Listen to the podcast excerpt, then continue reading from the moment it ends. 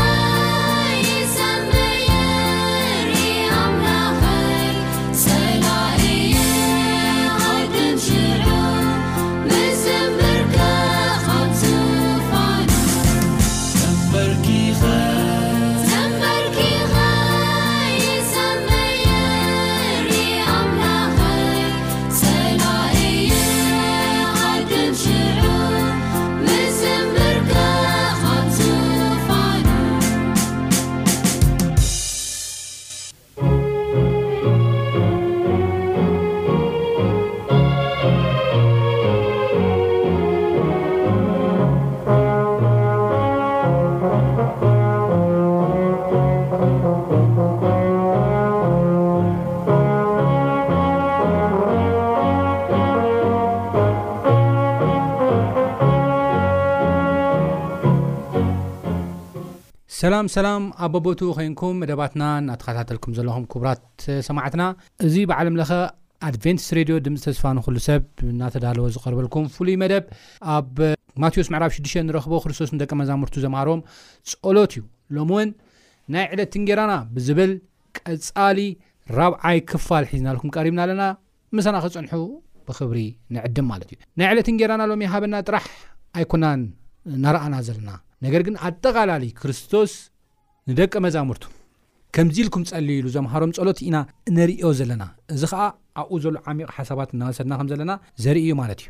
እምበኣር እግዚኣብሔር ምእንቲ ክመርሓናን ከምህረናን ሕጽር ዝበለ ጸሎት መጀመርያ ክንጽሊ ንጸሊ። እግዚኣብሔር ኣምላኽና ስለዚ ግዜ ነመስግነካ።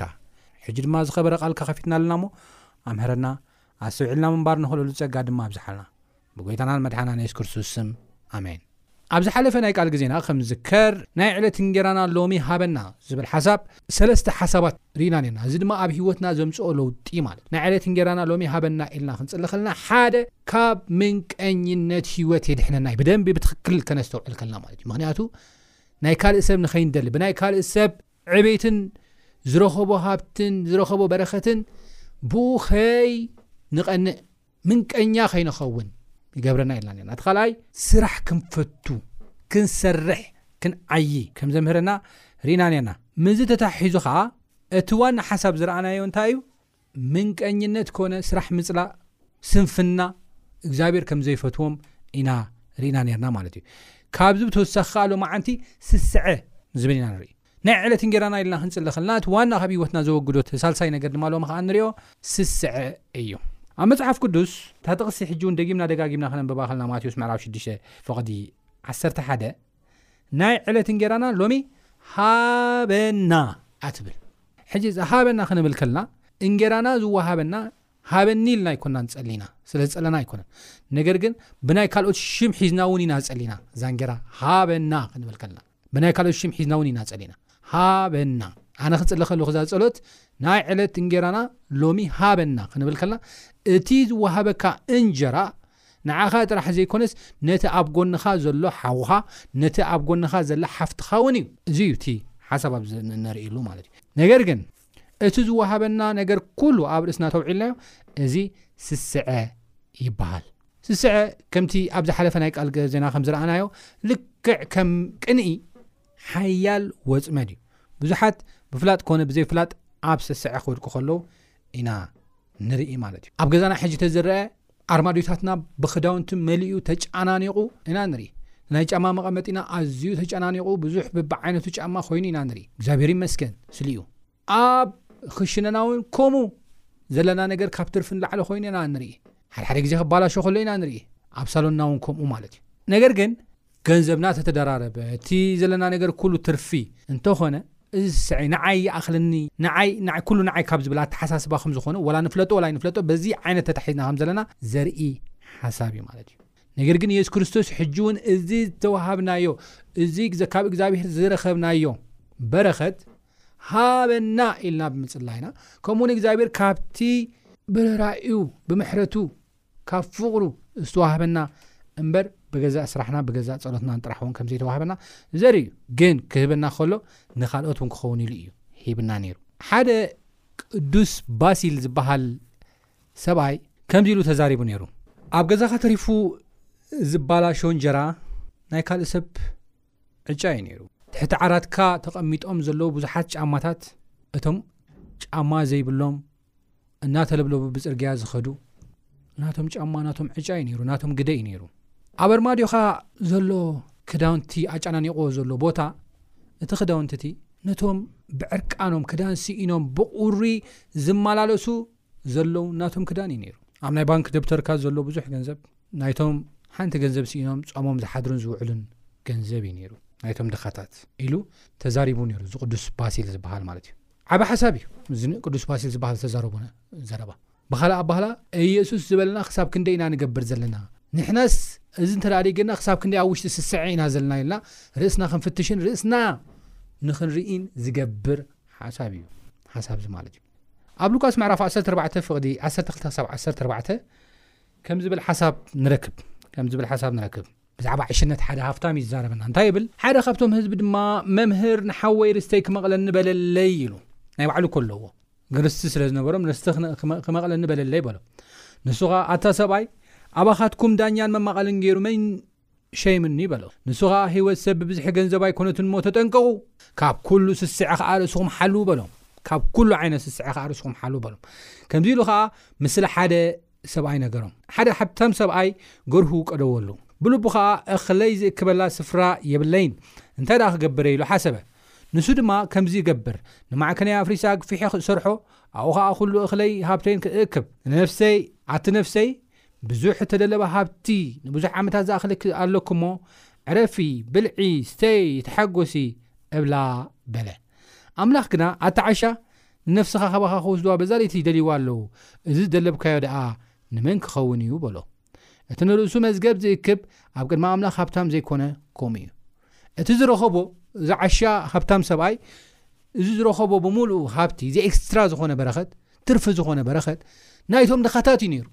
ነቶም ድኻታት ክህቦም ሓደራ ኢሉ እግዚኣብሄር ዝሃቦ እዩ ሓደራ ኢሉ እግዚኣብሄር ዝባረኾ እዩ እዩ ዝብለና ዘሎ ናይ ክርስቶስ ሓሳብ ሎሚ እውን እግዚኣብሄር ዝባረኸና ዘሎ ብገንዘብ ብጥዕና ብኩሉ ብዘለና ንብረት ኩሉ እግዚኣብሄር ዝባረኸና ዘሎ ንበኣና ገይሩ ነቶም ድኻታት ክበፅሖም ስለ ዝደሊ እምበር እዚ ንብረት እዚ ናትና ኮይኑ ይኮነ እታ ናትና ንብረት ድማ ንዓና ዝመደባ እግዚኣብሄር ህበና ኣሎ እዩ ካብኡ ዝተረፈ ግን ኣርማድዮና ከረደንሳና ናይ ጫማ መቐመጢታትና ኩሉ ኣንሶላታትና ብምሉኡ እዚታት ናይቶም ካልኦት እዩ ብኣና ክርስቶስ ክብ ስለ ዝደለየ ንዓና ከም ሓደራ ገይሩ ዝሃበና እዩ ማለት እዩ ስለዚ እዚ ኣስተውዒልና ንሕና እውን እንታይ ክንገብር ኣለና ሓደራ ክንወፅእ ኣለና ካብ ኩሉ ስስዐ ክንጥንቀቕ ኣለና ነገር ግን ብዙሓት ሰባት እንታይ ይገብሩ በቃ ብስስዐ ኩሉ ነገር ይሕዝዎ ኢንፋክት ሎሚ ኣብ ዓለምና ብዙሓት ድኻታት ዝበዝሕሉ ዋናን ሓደ ምክንያትን ከይድና ንርኢ ኣለዋን እቲ ናይ ዓለምና ሃብቲ ውሑዳት ጥራሕ ሒዞም ዓቚሮሞ ስለ ዘለዉ እዩ ንኻልእ ሰብ ሼር ስለ ዘይገብርዎ እዩ ንገዛእ ርእሶም ኩሉ ኣብ ገዛእ ርእሶም ኢንቨስት ስለ ዝገብርዎ ዘሎ እዩ ኩሉ ኣብ ሂወቶምን ኣብ ንብረቶምን ኣብ ገዝኦምን ስለ ዘፍስስዎ ዘሎ እዩ እዚ እዩ እቲ ሽግር በዚ መልክዕ እዚ እዩ ድኻታት ክበዝሑ ተገይሩ ማለት እዩ ኣብ ዓለም ማለት እዩ እሞ ካብ ስስዐ ክንሕሎ ኣለና ዝብል ሓሳብ ኣዚና ከነስምረላ ይግባና ሓደ ግዜ ምዝ ተሒዘ ከዓ ኣብ ብሉ ኪዳን ዘሎ ሓሳብ ናብ ትንቢተ እሳያስ ንርአ እሞ ኣብ ትንቢተ እሳያስ መራፍ 58 ዘሎ ሓሳብ ክንርአ ከለና ብዛዕባ ፀሎት ከዓ ኢና ንርኢ ኣብዚ ህዝቢ እስራኤል ህዝቢ ይሁዳ ይፅልዩ ነገር ግን ምላሽ የለን ይልምኑ ነገር ግን ምላሽ የለን ድሓር እግዚኣብሔር ዝመለሰሎ መልሲ ኢና ንርኢ እታ ዋና ዝደለክዋ ሓሳብ ቁጽሪ ሸውዓተ እያ ኢሳያስ ምዕራፍ ሓምሳን ሸሞንተን ነገር ግን ኣነ ሓሳቡ እዚ ኩሉ ዝበልክዎ ብደንቢ ኣብኡ ስለ ዝገልጾ ካብ ቁጽሪ ሓደ ትሒዘ ከንብባ ይደሊ ንሳ ድማ ከምዚ ይብል ኣፍካ መሊእካ ጨድር ኣይተቋርጽ ድምጽኻ ከም መለኸት ዓው ኣብል ንህዝበይ ኣበሰኦም ንቤት ያቆብ ድማ ሓጢኣቶም ንገሮም ኣብ ጸጽባሕ ይደልዩኒ መንገድታተይ ክፈልጡ ድማ ይፈትዉ ከምቲ ጽድቂ ዝገብርን ሕጊ ኣምላኹ ዘይሓደገን ህዝብስ ሕጊ ጽድቂ ኻባይ ይደልዩ፣ ናብ ኣምላኽ ኪቐርቡውን ይፈትዉ። ስለምንታይ ደኣ ጾምና፣ ንስኻ ድማ ዘይረኣኻና? ስለምንታይ ነፍስና ኣሕሳና፣ ንስኻ ግዲ ዘይገበርካ? እንሆ፣ ብመዓልቲ ጾምኩምሲ፣ ይብል እግዚኣብሄር ከኣ፣ ተግባርኩም ኢኹም ትገብሩ፣ ንግዙኣትኩም ድማ ተጋፍዕዎም ኣለኹም። እንሆ፣ ብባእስን ብምክርኻርን ብሕሱም ምውቃዕ ጕስጢትን ኢኹም እትጾሙ፣ ድምጽኹም ኣብ ላዕሊ ኸም ዚስማዕ ጌርኩም ሎሚ ኣይትጾሙን ኢኹም፣ ኢሉ ክዛረብ እንኮ ኢና ንርኢ። ቀጺሉ እቲ ኣነ ዝፈትዎ ጾምን እቲ ሰብ ንነፍሱ ዝሕሰኣላ መዓልትን ከምዚ ዝመሰለ ድዩ? ከም ሰልሰላ ርእስኻ ምድናን ክሻን ሓሙኽሽትን ምንጻፍ ምግባር ድዩ? ነዚ ዲኻ ጾም እግዝኣብሄር ዝቕበሎ መዓልትታት እትብሎ ዘለኻ? ይብል ሞለ ድሕሪኡ እቲ ኣነ ዝፈትዎ ጾምሲ ንማእሰር እከይ ምፍታሕ ንማእሰራርዑት ምዝላቕ ንጥቑዓት ምውጻእ ሓራ ኣርዑት ዘበለ ኩሉውን ምስባር ዶ ኣይኮነን ይብል። ድሓር ናብታ ናይ ሎሚ ኣርእስትና ትተሓዝ ቁጽሪ ሸውዓተ ክንርኢ ከለና ከኣ እንጌራኻ ንጥሙይ ክትመቅል ነቶም እተሰዱ ድኻታት ናብ ቤትካ ክትእቱ ዕሩቕ እንተ ረኣኻ ክትከድኖ ካብ ስጋ ክትሓቦ ዶ ኣይኮነን እንጌራኻ ንጥሙይ ነቶም እተሰዱ ድኻታት ድማ ናብ ቤትካ ክትእቱ ዕሩቕ እንተ ረኣኻ ክትከድኖ ካብ ስጋኻ እውን ከይትሓብኦ ዶ ኣይኮነን እወ እዚ እንተደኣ ጌርካ ሽዑ ብርሃንካ ከም ወጋሕታ ኮይኑ ክወጽእ እዩ፣ ምሕዋይካ ድማ ቀልጢፉ ክበቁል፣ ጽድቅኻ ድማ ቀቅድሜኻ ክኸይድ፣ ክብሪ እግዚኣብሄር ደጀንካ ክኸውን እዩ ይብል። ብርሃንካ ከም ወጋሕታ፣ ምሕዋይካ ቀልጢፉ ክበቁል፣ ጽድቅኻ ድማ ቀቅድሜኻ ክኸይድ፣ ክብሪ እግዚኣብሄር ድማ ደጀንካ ክኸውን እዩ። እወ እንጌራኻ ንጥሙይ እንተደኣ መቒልካ፣ ነቶም እተሰዱ ድኻታት ናብ ቤትካ እንተደኣ ኣቲኻ፣ ዕሩቕ ርኢኻ ድማ እንተ ኸደንካዮ፣ ካብ ስጋኻ ከይትሓብኦ ዶ ኣይኮነን? እዚ እንተ ደኣ ጌርካ፣ ብርሃንካ ኸም ወጋሕታ ኪኸውን እዩ፣ ምሕዋይካ ቐልጢፉ ኺበቍል እዩ፣ ጽድቅኻ ድማ ኣብ ቅድሜኻ ኪኸይድ እዩ፣ ክብሪ እግዚኣብሄር እውን ደጀንካ ኪኸውን እዩ ይብለና። ሕጂ እውን ከምታ ቅዱስ ፋሲለስ ዝበላ፣ እቲ ኣብ ገዛኻ ዘሎ ቀንዩ ተባላሽዩ ዝድርበ ዘሎ እንጀራ ናይቶም ድኻታት እዩ እዩ ዝብለና ዘሎ። እቲ ትርፊ ዘሎ ዘይትኽደኖ ክዳውንቲ ናይቶም ዝዓረቑ ክዳን ዘይብሎም እዩ። እቲ ዘይትገብሮ ጫማታት ናይቶም ጫማ ዘይብሎም ጥራሕ እግሮም ዝኸዱ ሰባት እዩ። እቲ እንሶላን ኮቦርታን ትርፊ ዘሎ ዓፃፂፍካ ተቐምጦ መቐመጢ ዝሰኣነ ኩሉ ናይቶም ብቑሪ ዝጥፍጠፉ ዘለዉ ድኻታት ሰባት እዩ ናትካ ኣይኮነን ምኽንያቱ እቲ ፀሎት እዚ ዓይነት ነገር ዝረኸብካዮ ብሽሞም እውን እዩ ናይ ዕለት እንጌራና ሃበና ክትብል ከለኻ ብሽሞም እውን ፀሊኻ ዝረኸብካዮ እዩ እምበርስ ሃበኒ ኢልካ ፀሊኻ ዝረኸብካዮ ኣይኮነን ሃበና ኢልካ ኢኻ ጸሊኻ ረኺብካዮ። ንዓይን ነቶም ኣብ ጥቓይን ዘሎ ክህብ እየ፣ ሃበኒ ኢልካ ኢኻ ተቐቢልካዮ። እሞ ሓደራና ክንዋጻእ ይግብኣና እዩ። በረኸት እግዚኣብሔር ተቐቢልና ኣባና ጥራሕ ከነፍሶ ኣይግብኣን፣ ብስስዐ ክንጽመድ ኣይግብኣን እዩ። እዚ ኢና ንብል ዘለና ካልኣይ ቆሮንቶስ ምዕራፍ 9 ፍቅዲ 8 ሓደ ዝገልጸልና ሓሳብ ኣሎ ንሱ ድማ እንታይ ይብል ከምቲ እቲ ጽሑፍ ዘረወ ንድኻታት ድማ ሃበ ይብል ብዛዕባ እግዚኣብሔር ብዛዕባ ክርስቶስ ክዛረብ ከሎ ጽድቁ ንዘለኣለም ይነብር ዝብሎ ኣምላኽ ከኣ ምእንቲ ብዅሉ ኣምላኽ ከኣ ምእንቲ ብዅሉ ዅሉ ሳዕ ዝኣክል ኵሉ ሒዝኩም ንሰናይ ግብሪ ካብ ንሰናይ ግብሪ ዅሉ ጸብለል ክትብሉ ጸጋ ዘበለ ኣባኻትኩም ጸብለል ኬብል ይከኣሎ እዩ።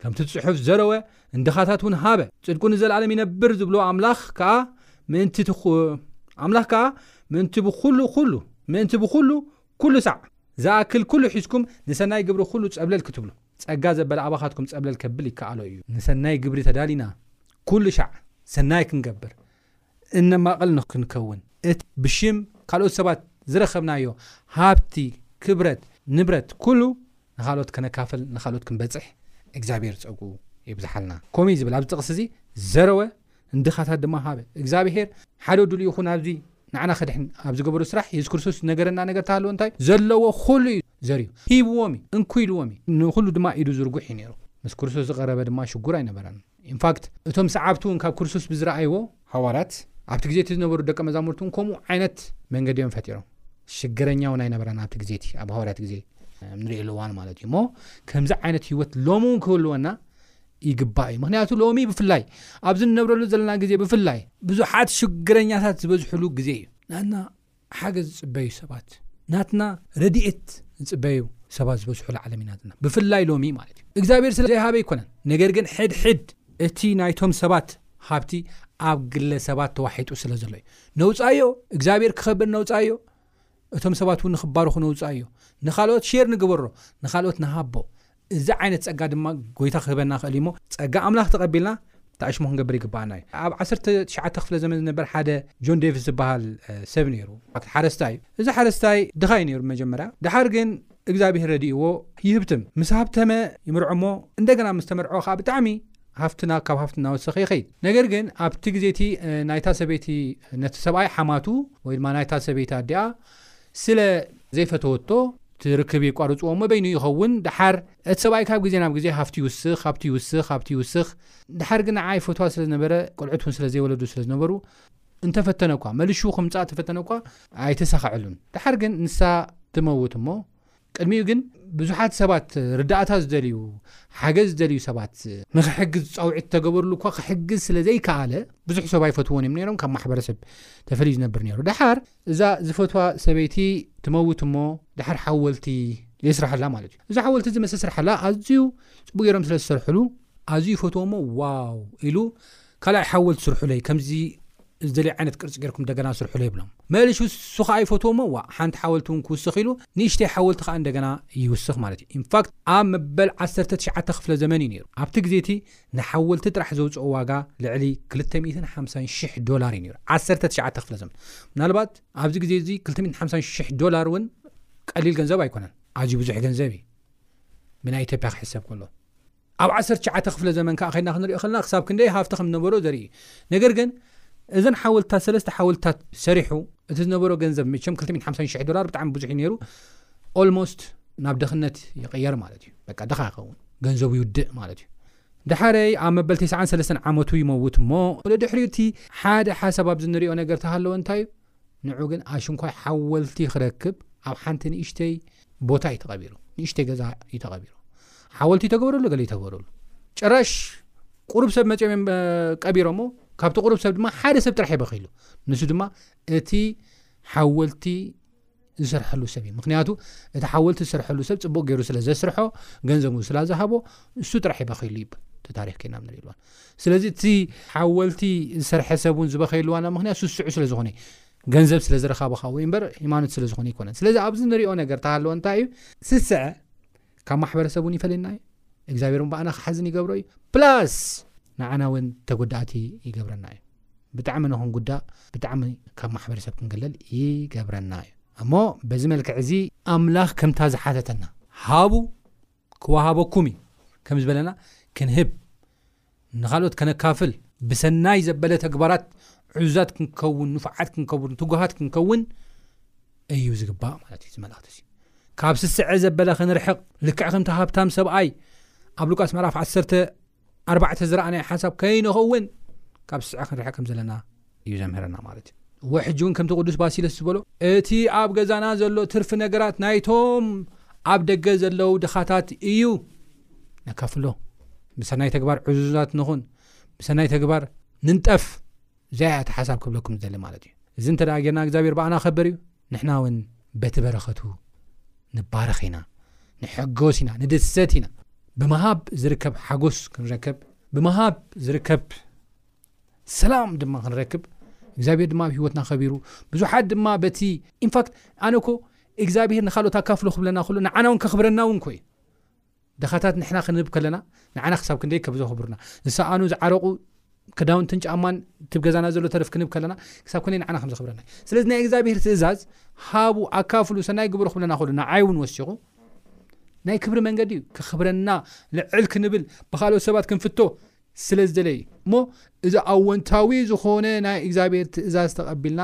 ተግባራዊ ክንገብር ይግባኣና እዩ ብፍላይ ሎሚ ግዜ ብዙሓት ኣብ ሽግር እዮም ዘለዉ ህዝብና ብዙሓት ኣብ ስደት እዮም ኣብ ስእነት እዮም ዘለዉ ህዝብና እሞ ካብ ስስዐ ርሒቕና ኣካፈልቲ ክንከውን ንካልኦት እንባርኽ ሰባት ክንከውን ንካልኦት እንበፅሕ ሰባት ክንከውን እግዚኣብሔር ጸግኡ የብዝሓልና